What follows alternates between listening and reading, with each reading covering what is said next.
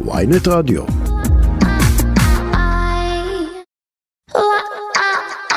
עכשיו בוויינט רדיו, חוץ מהכל עם ענת ברמן.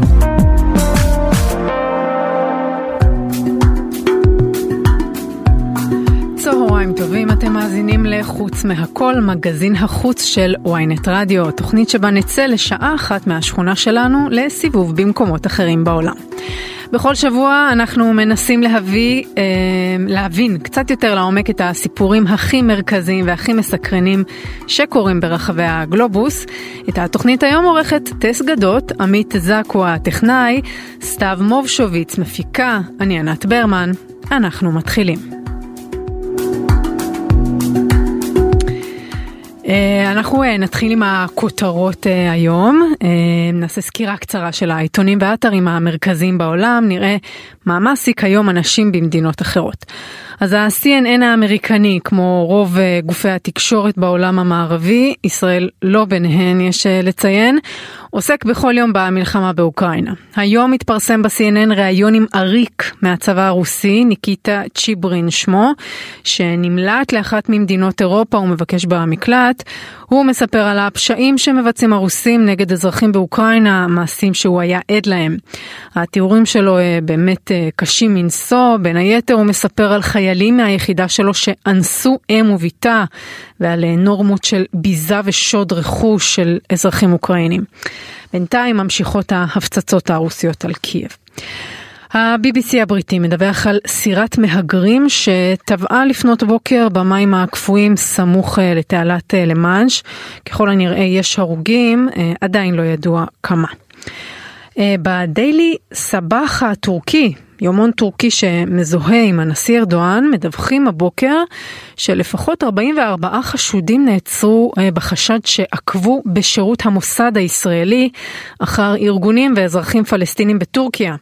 ככל הנראה מדובר בחוקרים פרטיים שקיבלו כסף תמורת המעקב. למוד הצרפתי על הניסיון של הנשיא עמנואל מקרון להעביר את רפורמת הפנסיה השנויה במחלוקת שלו שהציתה את הרחובות בצרפת. רפורמה שאמורה אה, להעלות את גיל הפרישה. הכותרת, מתגברת המתיחות בין הנשיא מקרון לראש הממשלה הצרפתית אליזבת בורן, שהצליחה לדחות מעט את העלאת הסוגיה. טוב, אנחנו אה, נתחיל היום עם הנושא המרכזי אולי שהיה אתמול.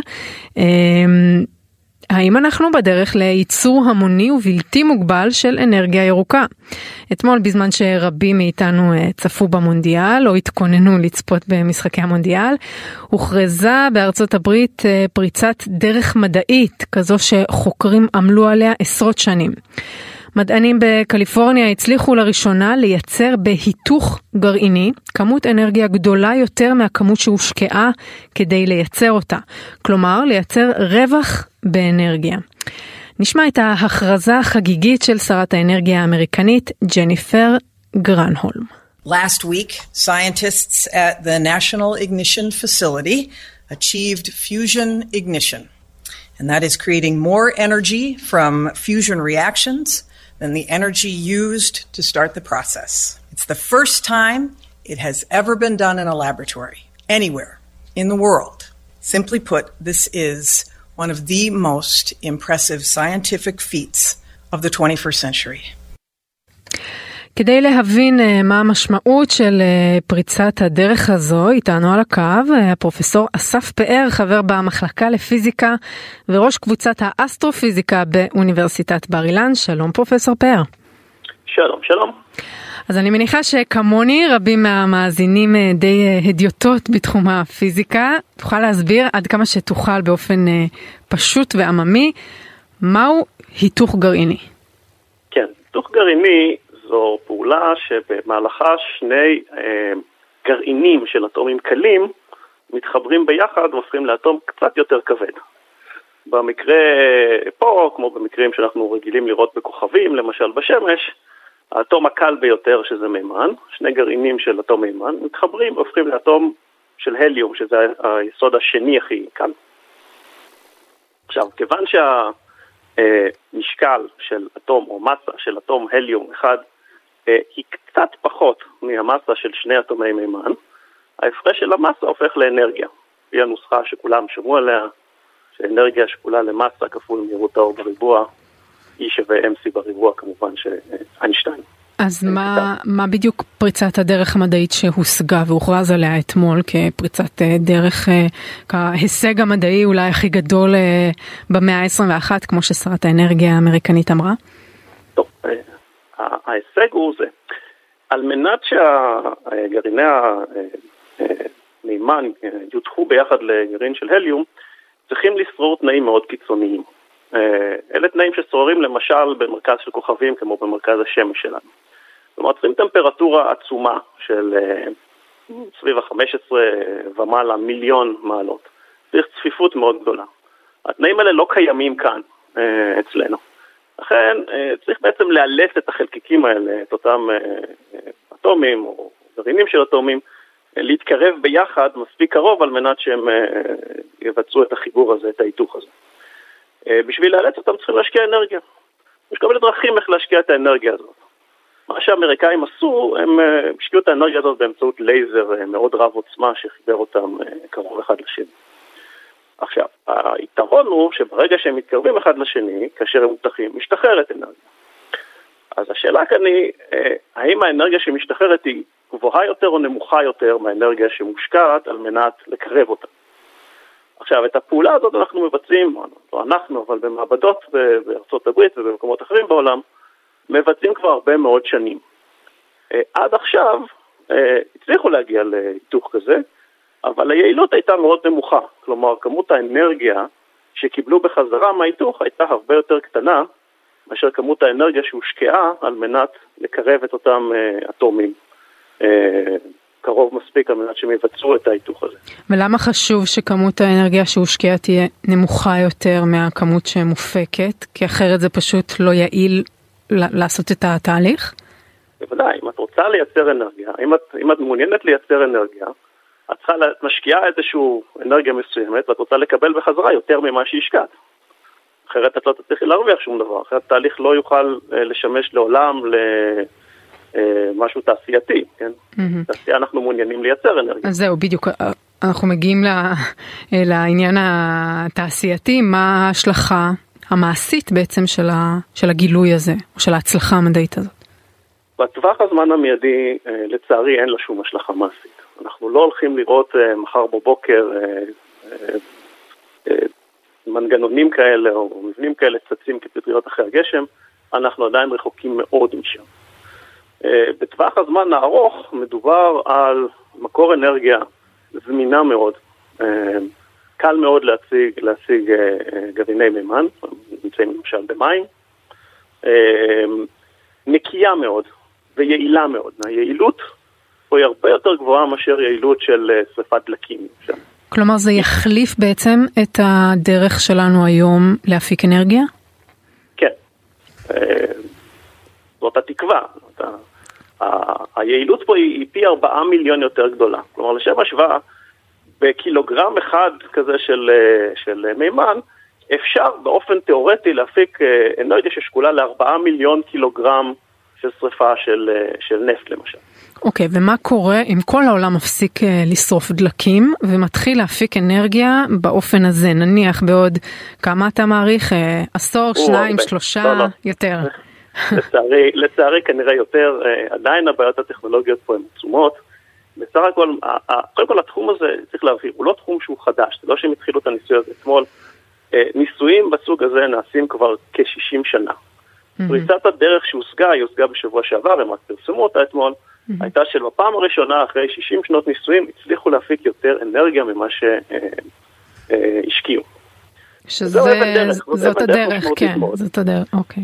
עכשיו, מתי זה יהפוך להיות מסחרי? זאת שאלה כמובן מאוד טובה, כמו שאנחנו יודעים, קשה מאוד לנבא בעיקר את העתיד.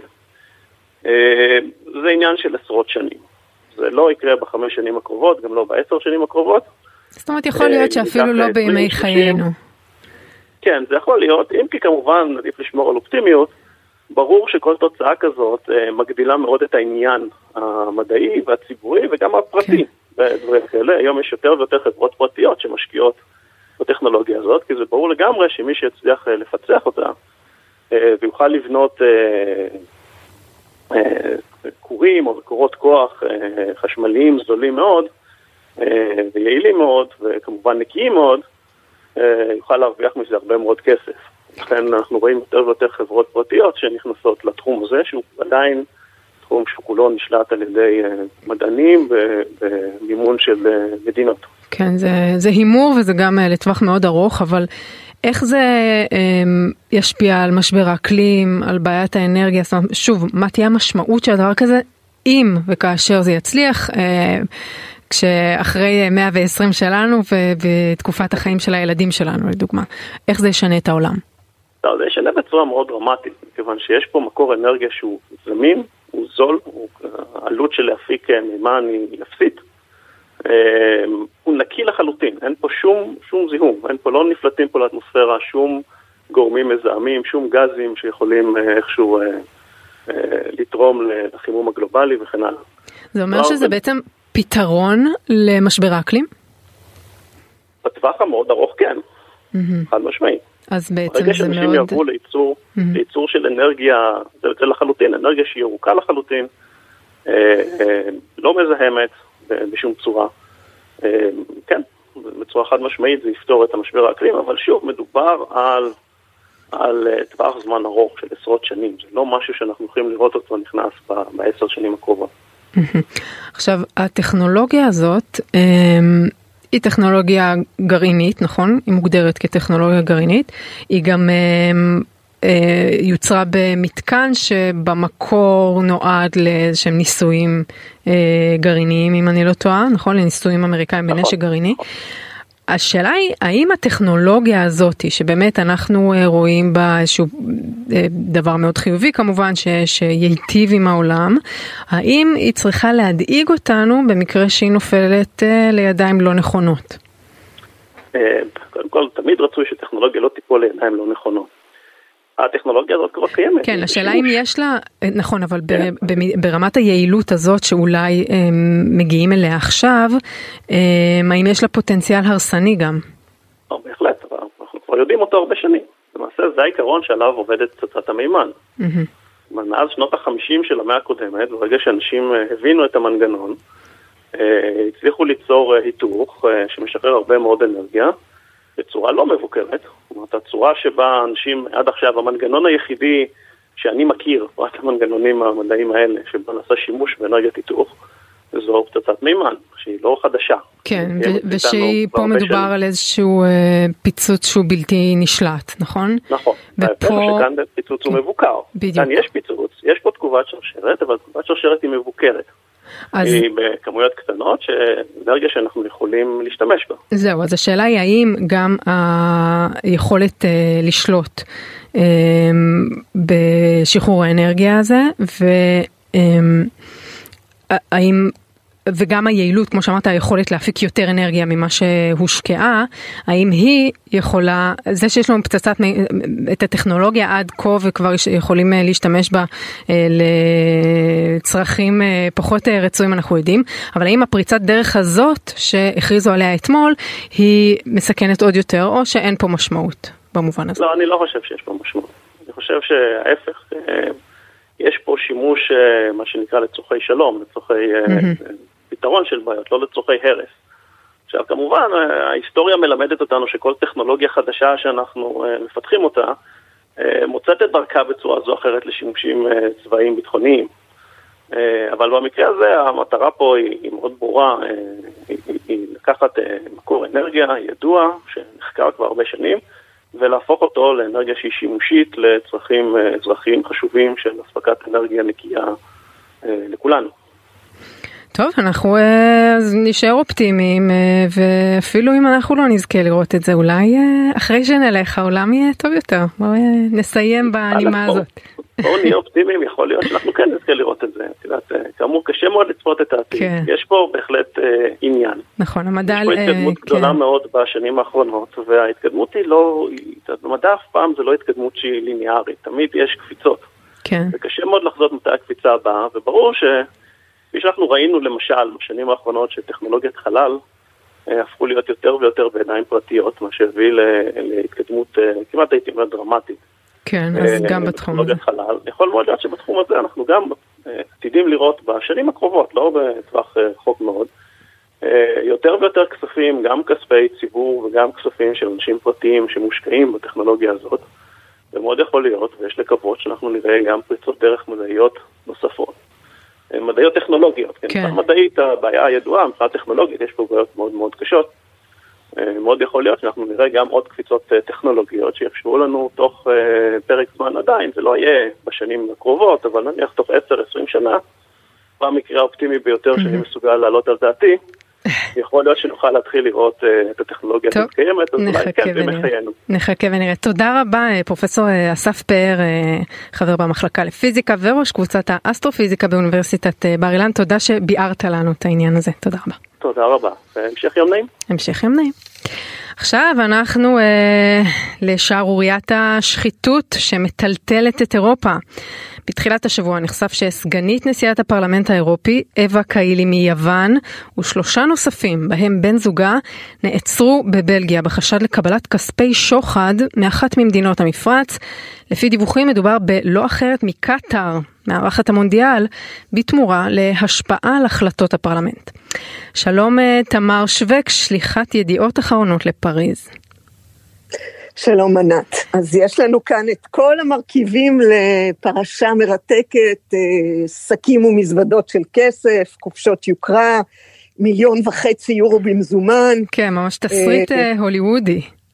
לגמרי. אז בואי, בואי נתחיל בסיפור הבסיסי, במה בדיוק מואשמים הבכירים בפרלמנט האירופי ובראשם סגנית הנשיאה ואיזה ראיות יש נגדם.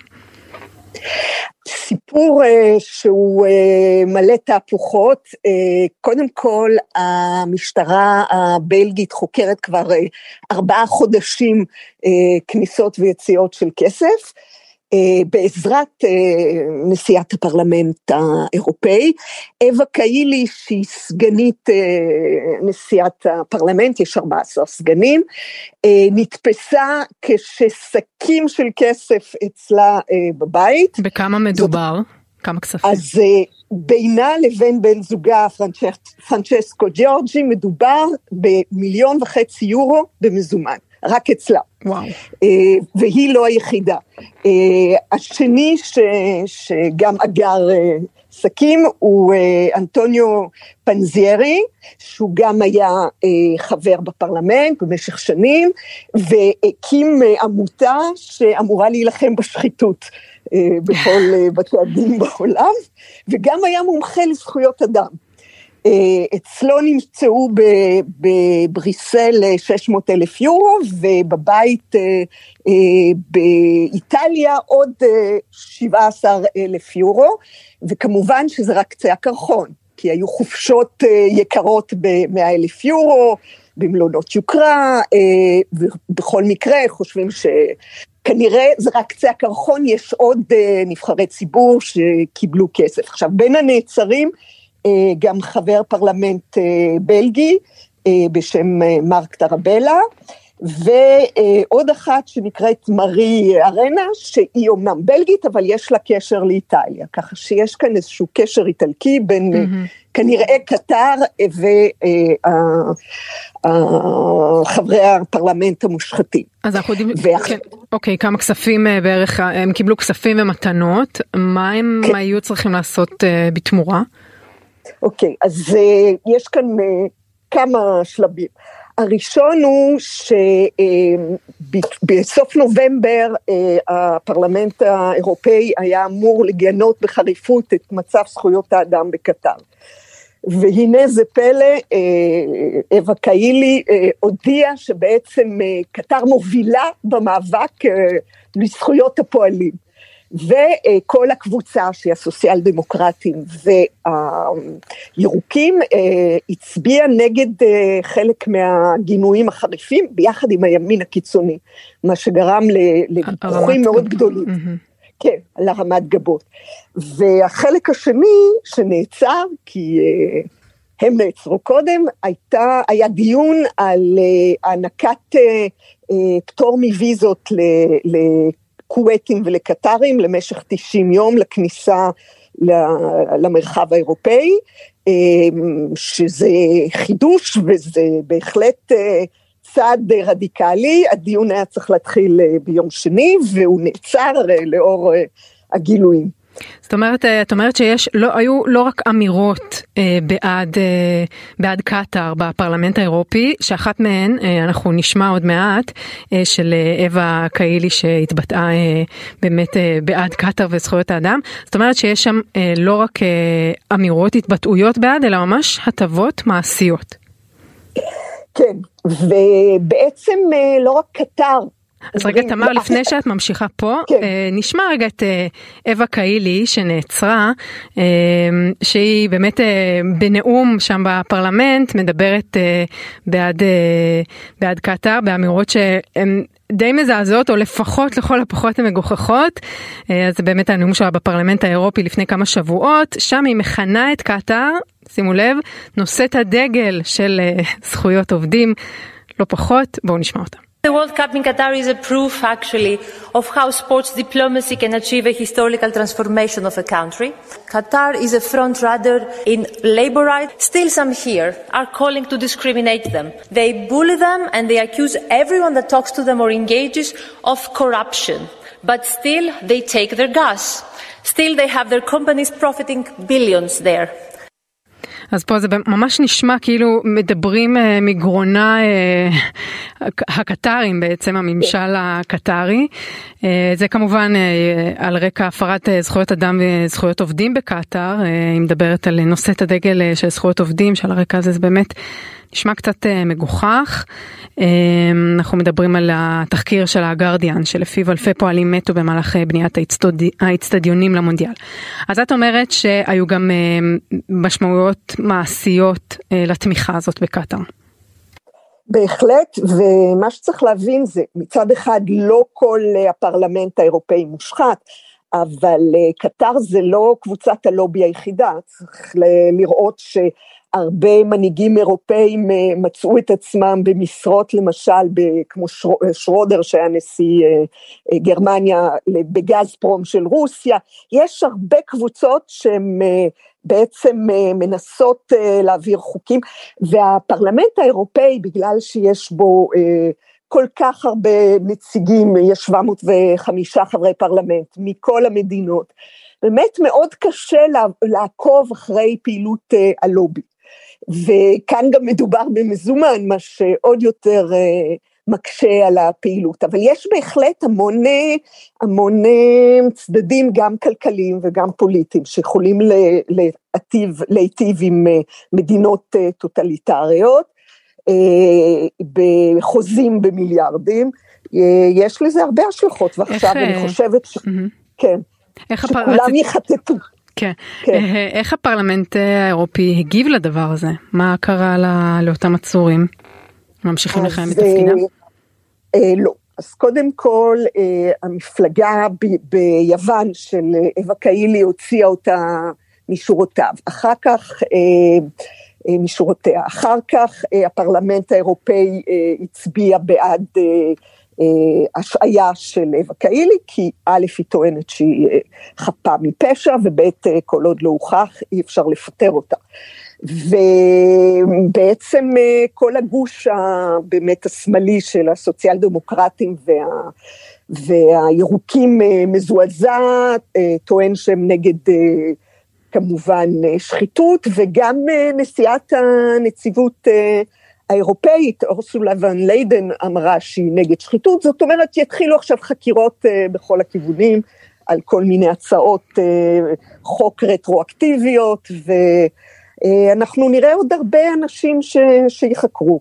והעיתוי אה, לפני הגמר, אה, גמר גביע העולם בכדור, בכדורגל בקטר, mm-hmm. הוא גם משמש תיבת תעודה מאוד גדולה לסיפור הזה. כן, ובמיוחד שהמאמץ האדיר באמת של קטאר לנקות את התדמית שלה לקראת המונדיאל, ודווקא עכשיו הדבר הזה מתפוצץ. יש איזה שהם צעדים כלשהם נגד קטר בתגובה לפרשה, או שעדיין זה נמצא בחקירה ונמנעים מצעדים?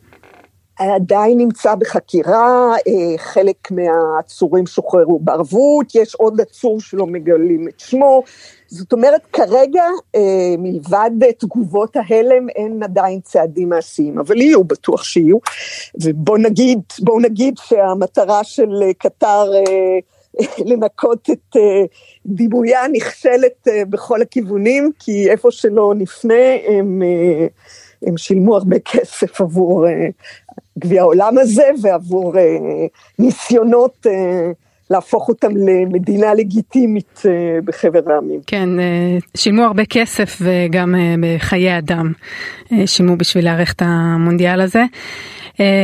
טוב, אנחנו נמשיך לעקוב אחרי הפרשה הזאת ונקווה שאם אכן הדברים האלה קרו כפי שהם מוצגים, אז באמת תהיה ענישה משמעותית.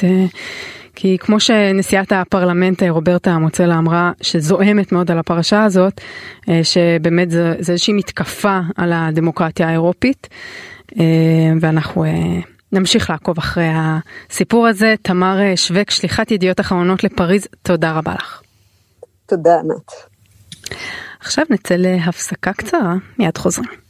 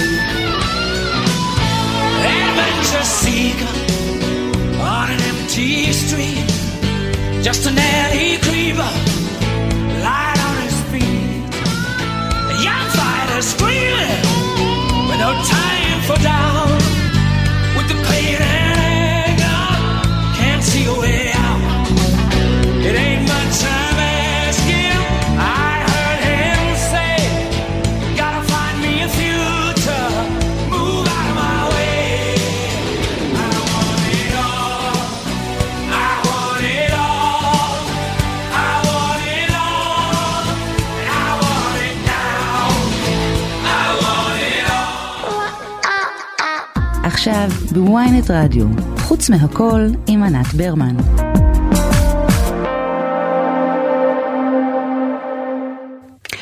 אנחנו חזרנו ועכשיו נפליג לדרום אמריקה. לאחר uh, שלושה ניסיונות הדחה כושלים, נשיא פרו, פדרו קסטיו, הודח בשבוע שעבר מתפקידו ונעצר לאחר שהכריז על מצב חירום וניסה לפזר את הפרלמנט. כעת הושבעה לנשיאות סגניתו, האישה הראשונה בתולדות פרו, uh, דינה בולוארטה. מאז רחובות הבירה לימה מלאים בהמוני מפגינים, תומכיו של הנשיא לשעבר שמואשם בניסיון הפיכה. שלום דוקטור אפרים דוידי, מומחה לפוליטיקה והיסטוריה של אמריקה הלטינית מאוניברסיטת תל אביב. שלום דוקטור דוידי. שלום. אז למה בכלל מלכתחילה ניסו להדיח את, את הנשיא קסטיו? קסטיו, כן. את רוצה שאני, שאני אתמצת את המציאות במילה אחת או בשתי מילים? נתחיל uh, ממילה אחת ונרחיב לאט. מילה אחת, מילה אחת זה בלאגן. Uh-huh. עכשיו בשתי מילים? עכשיו בשתיים ואפשר גם... בלאגן גדול, בלאגן גדול. לא, זה הרבה יותר רציני מזה. מה שאני רוצה להגיד הוא, יש אי בהירות בכל מה שמתרחש בפרו. יש לנו נשיא בכלא, שהוא הנשיא שניסה לבצע הפיכה עצמית, זאת אומרת הפיכה כנגד עצמו, כי הוא הנשיא, ולהישאר בשלטון, אבל זה לא מצב יוצא דופן ברזיל, אה, סליחה, בפרו. כי בשמונה שנים האחרונות היו שישה נשיאים, חמישה מהם, כולל הנשיא הזה, קסטיו, יושבים בכלא. זאת אומרת, מצד אחד יש... כולם אגב על, אותה, על אותו אישום, לא? לא, לא, לא, לא, קצת יותר מורכב, רובם על שחיתות, אבל יש אחד גם כן שקוראים לו פוג'ימורי, ממוצא יפני, mm-hmm. שהוא גם מואשם בהפרות קשות של זכויות האדם, mm-hmm. כולל רצח המונים וכך הלאה. אז לכן מה שמלמד אותנו הוא שחוסר יציבות בפרו זאת מילת המפתח כדי לנסות להבין את המערכת הפוליטית, כאשר הפרלמנט נלחם נגד הנשיא ההוא הזה, קטיו, האחרון, שנבחר אגב בבחירות חופשיות, והנשיא נלחם נגד הפרלמנט, אבל זה לא מאבק בין בני אור לבני חושך. הנשיא מואשם בשחיתות, אבל רוב חברי הפרלמנט, יש להם גם כן, איך נקרא לזה ככה, הם מוכרים בידי המשטרה, גם הם, הם רובם מושחתים. כן. ולכן אה, אין זה פלא שאנשים יוצאים לרחובות ואומרים, די, נמאסתם. זאת אומרת, אה, כולכם הביתה, ודורשים אה, אה, אה, לקיים בחירות עכשיו. רגע, רגע, אני- קודם כל, כן. הסיבה שרצו להדיח, שניסו להדיח את הנשיא, זה בגלל אה, האשמות בשחיתות. תראי, זה לא רק זה, יש גם כן אשמה שהוא לא מסוגל לתפקד. זה משהו שמופיע בחוקה הפרואנית. היעדר כישורים לתפקוד, משהו שדומה לזה. כן. והם התחילו, הם ניסו להדיח כמה, כמה, אותו כמה פעמים באמצעות אה, רוב בפרלמנט, צריך רוב מיוחד. בפרו יש משהו שלא קיים בארץ, נקרא חוקה, והחוקה מאפשרת להדיח אה, אה, נשיא. בפרו זאת, זה משטר נשיאותי, זאת אומרת, אה, הנשיא יש לו את רוב הסמכויות, ולכן אה, אנחנו נמצאים במין תיקו כזה, שמצד אחד נשיא שנבחר באופן חופשי, ושניסה להישאר בשלטון כנגד רצון הפרלמנט, אבל בפרלמנט הם לא כולם מלאכים שהם יוצאים להגנת הדמוקרטיה, אלא יותר מכל יוצאים להגנת האינטרסים שלהם. זהו, התקשורת בעולם מציירת את אה, קסטיו כאויב הדמוקרטיה, שהפרלמנט תראי, שהדיח אותו הציל את הדמוקרטיה. אתה חושב אחרת? התקשורת בעולם היא תקשורת שנוטה בדרך כלל לאינטרסים של בעלי ההון ושל התאגידים הגדולים. כשמסתכלים על הדברים מפרו, אז והוא, אז הדברים הם קצת יותר מורכבים.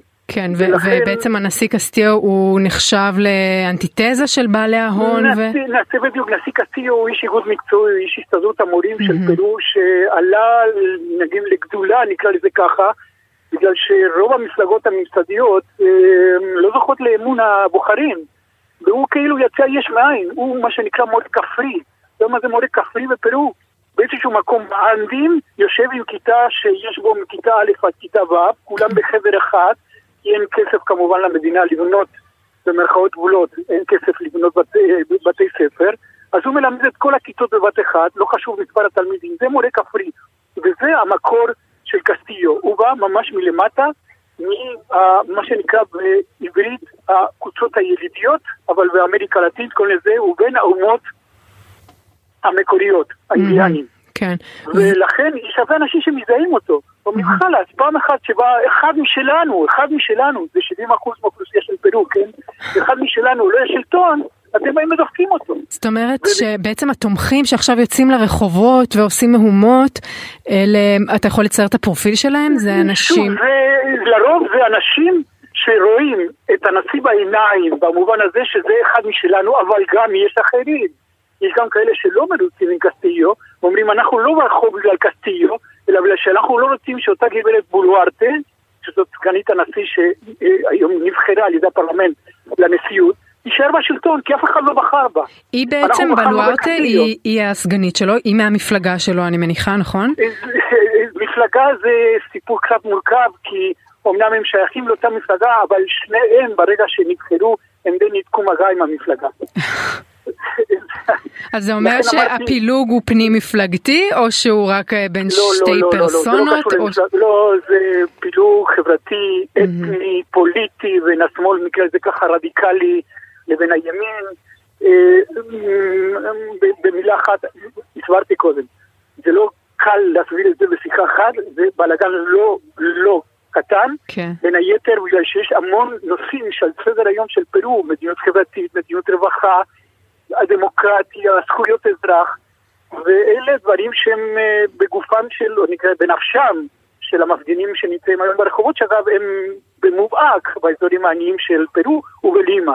כי בלימה יש גם שכונות עוני מסביב ללימה אה, גדולות מאוד. עכשיו, הם המח... אנשים שהיגרו מהכפר. המחנה של אה, קסטיו הוא... הוא שמאל, אה, כלכלי כמובן, אפילו יש המכנים כן. אותו אה, קומוניסט, אבל מבחינה חברתית מדובר במחנה שהוא אה, ליברלי יותר, כמו ב- בשמאל ב- במערב לפחות, או שאין את ה... אין, אין, את ה... אי אפשר זאת אומרת, להשליך מה שקורה במקום אחר, כולל מה שקורה בארץ, ומה שקורה היום בפרו. וכללי המשחק הם שונים, וקסטיל אמנם הוא הגדיר את עצמו פעם כמרקסיסט, אבל כשהגיע לשלטון לפני כשנה וחצי, הוא לא עשה שום דבר כדי להצדיק את, את, את, את, את ההגדרה הזו העצמית שלו, זאת אומרת, הוא לא ניהל מדיניות כזה ככה רווחה מאוד מאוד שונה מהמדיניות הניאו-ליברלית שהייתה קודם, ולכן בין התומכים של קסטיו יש גם כן שיש להם בעצם מלאה כלפי קסטיו ואומרים אנחנו רוצים לא את קסטיו ולא את סגניתו ולא רוצים את אף אחד, אנחנו רוצים בחירות עכשיו ויש אפילו שדורשים אספה מכוננת. אספה מכוננת זו אספה שאמורה להוציא חוקה חדשה ולשנות לגמרי את מערכת השלטון אה, בפרו. דוקטור דודי לקראת אה, סיום, רק אה, מדובר, מדובר בתחילתו של משבר פוליטי או בסופו של הבלגן כמו שאתה קורא לו? או נקרא לזה ככה המשכו של המשבר הפוליטי. זאת אומרת זה משבר שהתחיל כבר לפני הרבה שנים בפרו והוא נמשך וההדחה של הנשיא המכהן עכשיו זה רק ביטוי נוסף של המשבר. זה לא שיאו אלא זה ביטוי נוסף. אנחנו לא יודעים לאן זה יתגלגל, מה שמתחולל עכשיו ברחובות פרו, וזה ערים גדולות, אגב, זה לא רק בשכונות העוני, ולמשל בשדה התעופה השני הבינלאומי של פרו מושבת, כי המפגינים השתלטו על המסלולים, זאת אומרת, זה לא איזשהו דבר שאת אומרת, טוב, יש הפגנות פה ושם, לא, לא, לא, זה במובן של אה, מחאה, זו מחאה המונית, זאת המחאה גדולה, זו מחאה שפורצת מלמטה, ואין הנהגה, ובין המוחים, בין המפגינים, יש כל מיני דעות. מהשמאל הרדיקלי ביותר עד הם ליברליים, נקרא לזה ככה. ועכשיו הנשיא המודח הכריז על מצב חירום וגם הנשיאה החדשה הכריזה גם היא על מצב חירום בכמה אזורים כן.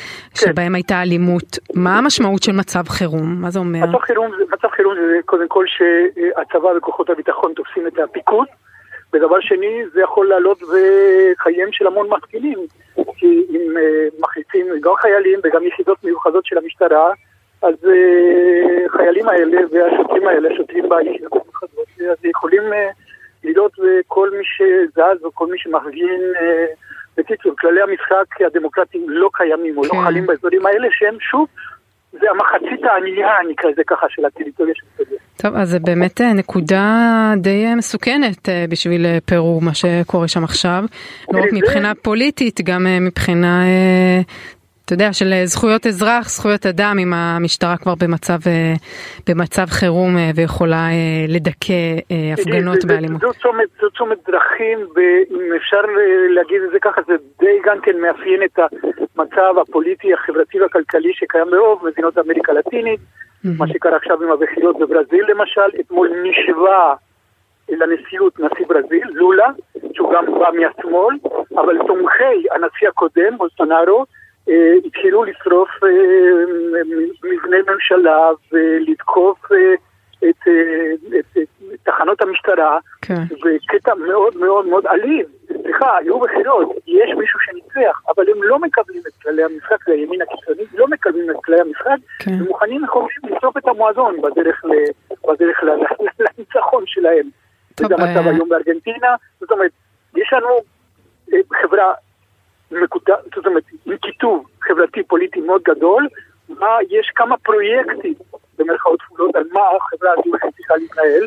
דוקטור דודי, אנחנו חייבים, אה, כן, חייבים כן. לסיים, אה, אבל אוקיי. באמת המבט שלנו מופנה עכשיו לאיראן ולמזרח אירופה, רוסיה ואוקראינה, אז באמת קצת אה, מפספסים את מה שקורה בדרום אמריקה, אז תודה רבה שהיית איתנו וסיפרת לנו, דוקטור אפרים דודי, מומחה לפוליטיקה והיסטוריה של אמריקה הלטינית מאוניברסיטת תל אביב, תודה רבה. תודה. טוב, אנחנו אה, עכשיו אה, למונדיאל, כמובן. איך אפשר אה, בלי? כולם כבר יודעים שהסנסציה הגדולה של המונדיאל הזה, הסיפור הכי גדול זו נבחרת מרוקו, שבניגוד לכל הציפיות והתחזיות, העפילה לשלב חצי הגמר, והערב נדע אם היא תהיה בגמר מול ארגנטינה. השמחה על כל ניצחון של מרוקו פורצת את אה, גבולות מדינת האם, לא רק אה, מהגרים ממוצא מרוקאי חוגגים איתה ברחבי אירופה והעולם. כל העולם הערבי מפגין אה, סולידריות וחוגג יחד עם מרוקו. איתנו יאיר קטן, ספורט עולמי ynet. שלום יאיר. שלום. אז כמה זה מזל, פוקס מה שנקרא, וכמה באמת פשוט לא העריכו את היכולות של הנבחרת המרוקאית. אה, ברגע שהיא עוברת בדרך שלוש מעצמות כדורגל אמיתיות כמו בלגיה, ספרד ופורטוגל, אז אי אפשר לומר שזה מזל או פוקס, כי זה לא מתמשך לאורך זמן עד כדי כך. אה, יש פה שילוב של טקטיקה מעולה ויכולת, אבל עם הדברים שאיתם פתחת, הם אה, נותנים לא פחות.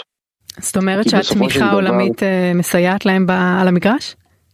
האווירה גם ברחובות וגם באיצטדיון כשהם משחקים של עשרות אלפי מרוקאים או מהגרים מרוקאים או אנשים מהעולם הערבי בכלל, היא, אי אפשר לה, להפריז בחשיבות שלה. יש כאן אה, חום עצום שהם מקבלים, הם אה, מייצגים לא רק את העולם הערבי וקיבלו ככה את האהדה נגיד של המקומיים אה, שחיים פה בקטאר ושל אה, אוהדים של נבחרות ערביות אחרות שהיו באזור, הם גם זכו לתמיכה של אפריקה בכלל. אנחנו יודעים שבכדורגל מתעוררים לא פעם מתחים בין מה שנקרא אפריקה השחורה לצפון אפריקה, מדינות המגרב למשל, אה, וכאן אה, בגלל הייצוג המאוד מכובד של יבשת אפריקה, mm-hmm. כל מדינות אפריקה התקבצו מאחורי מרוקו ומצטרפות לעולם הערבי, ויש המון המון אנשים שרוצים בהצלחתה. עכשיו באמת אה, מדובר בהיסטוריה או שזו התלהבות זמנית ואם בהנחה שההתקדמות של מרוקו תיעצר כאן אה, אז עד המונדיאל הבא כבר אה, נשכח את כל הדבר הזה. קודם כל היסטוריה בוודאי, יש לנו פעם ראשונה בחצי הגמר של גם נבחרת ערבית וגם נבחרת אפריקאית, היא מייצגת את שתי האוכלוסיות האלה. המונדיאל הוא באמת פעם בארבע שנים והוא עניין מאוד של אה, מומנטום ושל הגרלה ושל אה, הכל מתחבר בפעם אחת, אז קשה לדעת אה, לאן זה הולך ואם תהיה המשכיות. אני חושב שיהיה קשה מאוד לנבחרות עתידיות, גם למרוקו, גם אחרות בגודל שלה, לעשות שוב מסע כזה, כי הוא נדיר ברמה של משהו פעם במאה שנה. אה, אבל זה עוד לא נגמר. בוא נאמר, הם עוד יכולים אה, לסחוט את הלימון הזה עד הסוף ועוד להגיע לגמר, כן. אה, למרות שצרפת פייבוריטית אדירה מולם. אז זהו, אז לסיום מה ההימור שלך? הם יעלו לגמר? אני חושב שלא, אבל העין תהיה לא רק על המשחק, אלא על אה, מה שיקרה בפריז, צרפת כן. ומרוקו. כבר קוראים לזה דרבי. ביחד. בדיוק, קוראים לזה כן. צרפת א' מול צרפת ב'. כן. אה, היו כבר מהומות ברחובות אחרי המשחקים הקודמים, ועכשיו כשהם זו מול זו, אז בליל, במונפליה, אה, בפריז, איפה שהיו חיכוכים בשבוע האחרון, זה יכול להתפרץ שוב. טוב, זה כנראה התגובה הצפויה לניצחון. אה, שזה בעיניי אה, לא, לא כל כך ברור, אבל אה, בסדר, הערב בתשע אנחנו נדע אם מרוקו עלתה לגמר או צרפת. תודה רבה לך יאיר קטן ספורט עולמי ynet, תודה. בשמחה. קול עולה מן המזרח, דניאל סלאמי, עם סיפורים מהעולם הערבי. שלום לדניאל סלאמה, כתב לענייני העולם הערבי בוויינט ובידיעות אחרונות. אתה מביא לנו מדי שבוע סיפורים אה, מעניינים מהעולם הערבי, את הדברים הכי חמים שם בתקשורת, ברשתות החברתיות, בעצם אה, בכל המקומות שמבחוץ קשה להגיע אליהם.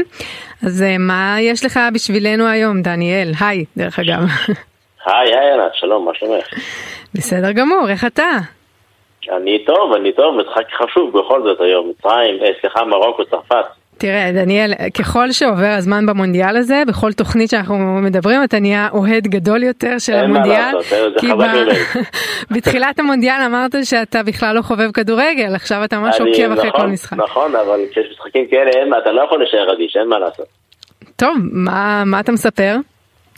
טוב, הפעם אנחנו, אה, יש לי סיפור שהוא קצת פחות אופטימיים בדרך כלל, אבל חשוב ככה להציף ולהציג אותו. אנחנו הפעם ניקח אתכם לכווית, אותה מדינה קטנה במפרץ הפרסי, שכנה של קטר, בין עיראק לאיראן. אה, סוגיית הלהט"ב הולכת ועולה יותר ויותר לאחרונה שם בהיבט של הזכויות, או יותר נכון היעדר הזכויות ואף הפעילות החוקית נגד, נגד כל מי שנחשד בעצם בשיוך לקהילת הלהט"בים, אנחנו מדברים כאן גם על, על, על על על, על טרנסצ'נדרים, מכל קשת הדברים המינית, וגם כמובן אנחנו מדברים גם על, לא רק על תושבים של כווית. לפני שבוע היה אירוע מעניין למדי, קצת מטריד בכווית. הרשויות במדינה הוציאו דעה שכוחות של המשטרה ושל משרד הפנים עשו פשיטה, ממש פשיטה של ממש, כמו שעושים על מתחמים של עבריינים, על מכון ספא, דמים למראה. מה הטענה? שבמקום, באותו זמן, הייתה שם מסיבה שבה השתתפו 18 אה, צעירים, חלקם קטינים, שלפי הרשויות הם נחשדים בשיוך לקהילה הלהט"בית. עכשיו, צריך רגע להתעכב על המילה, על, על המונח שהם השתמשו בו, נחשדו בשיוך לקהילה הלהט"בית. רגע, אמרת שהיו שם קטינים גם? חלקם קטינים, נכון, חלקם קטינים. תראה, דניאל, אני חייבת לומר שהרבה פעמים, אני לא יודעת אם במקרה הזה, אבל הרבה פעמים אה, כל מיני מכוני ספא וכאלה זה פשוט אה, מילה אחרת למכון זנות. את צודקת בהחלט, אבל כאן לא מדובר במכון זנות, מדובר כאן במכון ספא רגיל לחלוטין, כזה שאני ואת הולכים אליו מדי פעם כדי להתפנק ולהירגע, אין כאן שום דבר לא חוקי במכון, מכון ספא לגיטימי לחלוטין. Uh, כנראה הייתה שם קבוצה שנכנסו והאשמה שניתנה להם גם זה לא פדופיליה, זה לא זנות, זה לא סחר בנשים ובקטינים, זה אך ורק שיוך לקהילה. הלהט"בית. כן. זה האשמה שהם נתנו להם. כלומר, גם המדינה עצמה, היא לא טוענת שהם עשו בזנות. כן, עבירה על החוק שם. אה, זהו, החוק שם בצורה היבשה הוא לא מגדיר את זה כעבירה על החוק, אבל בהחלט יש יד מאוד נוקשה נגד אה, כל חברי הקהילה הלהט"בית. לצורך העניין, רק בשנה וחצי האחרונים גורשו משטח כווית לא פחות משלושת אלפים אה, אנשים, חלקם תיירים, חלקם אזרחים. בחשד שהם היו אה, בעצם שייכים לקהילת הלהט"ב. מדובר כאן גם על קנסות מאוד גבינים שמשיתים עליהם, ומדובר גם על קמפיינים של ממש, שבאופן רשמי לא המדינה עומדת מאחוריהם, אבל אפשר להבין שבסופו של דבר זה כן מגיע מצד הממשל, של, אה, של נגד, של נגד ה, ה, בעצם כל הנושא של הלהט"בים. אחד מהשלטים שדווקא לאחרונה הופץ הוא מאוד פשוט, כתוב בערבית, אה, הוא הוא לא גבר, הוא מסלי, המילה שמשתמשים בה כדי לתאר את קהילת הלהט"ב. זה כאילו מציגים את כל הנושא של קהילת הלהט"ב כסטייה, כמשהו שיש לסלוד ממנו ולהוקיע מהחברה, וזה מופיע על שלטי ענק. עכשיו, זה, אם להטביל את זה רק כדי להמחיש את, את, את הסוגיה של השלטים, תארי לעצמך שאת עושה על איילון, ואת רואה כן. איזושהי פרסומת למותג אופנה, ואז אחרי זה כן. פרסומת שאומרת לך בצורה הכי ישרה שיש. להיות גיי זה איזושהי סטייה שצריך להוקיע. כן, מזעזע, אין ספק. בצורה ישרה ובוטה, ולא ברמיזה ולא עוטפים את זה בשום דבר. עכשיו, אתה ראית את זה, זאת אומרת, זה משהו שעולה ברשתות החברתיות בטון ביקורתי כלפי האישום, כלפי המעצר והשלטים, או תמיכה ב... באיסור הזה ובדיכוי של אה, הקהילה ההומוסקסואלית? שאלה מעניינת. בתקשורת הכווייתית הממלכתית, הממוסדת, כמעט ולא מתייחסים לנושא הזה, למעט, אתה יודע, דיווחים שרירותיים וקטנים כאלה, שהייתה פשיטה על מכון כך וכך. Mm-hmm. כמובן שברשת, ברשתות החברתיות, ששם רוב המידע נמצא, אה, הזרם היותר ליברלי ויותר ככה פתוח אה, למערב, כמובן שהוא יצא נגד זה בחריפות, ומותחים על זה ביקורת. כן. בין תקשורת, בין ערבים כמו אל-חורה, שצריך להגיד שבסיסו בארצות הברית, הם גם כן תוקפים את התופעה הזו של גירוש אה, חברי הקהילה הלהט"בית והשתת עונשים עליהם, תוקפים אותה בחריפות מאוד גדולה במאמרי מערכת, במאמר האחרון שיצא לדעתי רק השבוע. עם זאת עדיין כמובן יש שיח שהוא מאוד מתלהם נגד אותה, נגד אותה תופעה ונגד אותה קהילה. זה גם מופיע בפייסבוק, בטוויטר, mm-hmm. באינסטגרם, ובסופו של דבר צריך להבין, מי שמוצא את עצמו בין הפטיש לסדן זה אותם צעירים וצעירות, לאו דווקא קטינים שהם באמת ככה עדיין כן. אולי לא כל כך סגורים, מבולבלים על זהותם המינית, כן. וזה שם אותם במקום שהוא כמעט בלתי אפשרי. כמובן. אה, טוב, דניאל, נשאר ממש, אה, ממש שתי דקות, אז בואו נעבור לסיפור הבא, וגם אותו בקצרה, כי לצערי אנחנו צריכים לעבור עוד מעט לחדשות. יאללה, הסיפור הבא אנחנו נגיד אותו בקצרה בקצרה. הזמרת הלבנונית המגה מפורסמת מרים צארץ, שהיא גם נשואה לאיש עסקים ערבי אמריקאי, לבנוני אמריקאי מאוד uh, מפורסם ומאוד עמיד, השתתפה בשיר הסמי הרשמי של המונדיאל ביחד עם מלומה, שאנחנו תכף נשמע את השיר הזה, מלומה וניקי מנאז', כשהשיר יצא, אתה יודע, כמו כל שיר פופ, יש לציין, ובהתחלה אנשים לא יודעים כל כך איך לעכל אותו, איך לאכול אותו, כי בסוף זה שיר פופ, כל המטרה שלו זה לעשות שמח ולהרקיד ולגרום למי ששומע אותו לרצות ככה לזוז עם הקצב. נפתחו עליה דלתות הגיהנום של הביקורות וקיצורות מכל הכיוונים. יש לציין שהיא מאוד רגילה לזה, היא לאורך הקריירה שלה, היו לה כמה, כל מיני תקריות פרובוקטיביות שאולי אפילו נעשו בכוונה כדי להביא אותה לכותרות. עכשיו, השיר עצמו יש לציין, אין בו שום דבר פרובוקטיבי, לא מבחינת מילים, לא מבחינת טיבוש, אבל בראיית, הראייה המסורתית של המבקרים שלה, היא כן עשה שם משהו ש...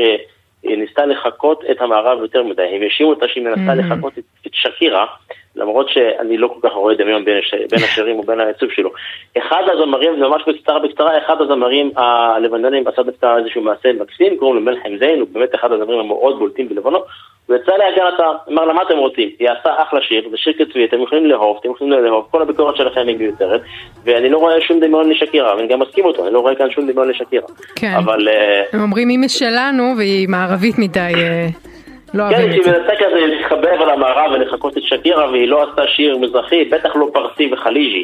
כאילו חליג'י זה כל המדינות, סעודיה, קטר, כווית, כן. שהיא- שהיה מוטב שהיא תעשה שיר בניחוחות אה, של מפרץ, אבל זה לא קרה. השיר הוא קצבי, הוא אחלה, הוא שיר נחמד. אנחנו שומעים אותו גם אה, ברקע ואנחנו חייבים לסיים, דניאל, אני מצטערת שאני כן. אה, קוטעת אותך, אז תודה רבה דניאל סלאם, כתב ynet לענייני ערבים. מיד אחרינו דנית גרינברג ובר זגה עם כל הסיפורים החמים בעולם הבידור. את התוכנית ערכה טס גדות, טכנאי השידור עמית זק, סתיו מובשוביץ מפיקה, אני ענת ברמן. אנחנו נהיה כאן גם בשבוע הבא באותה השעה. סוף שבוע נעים.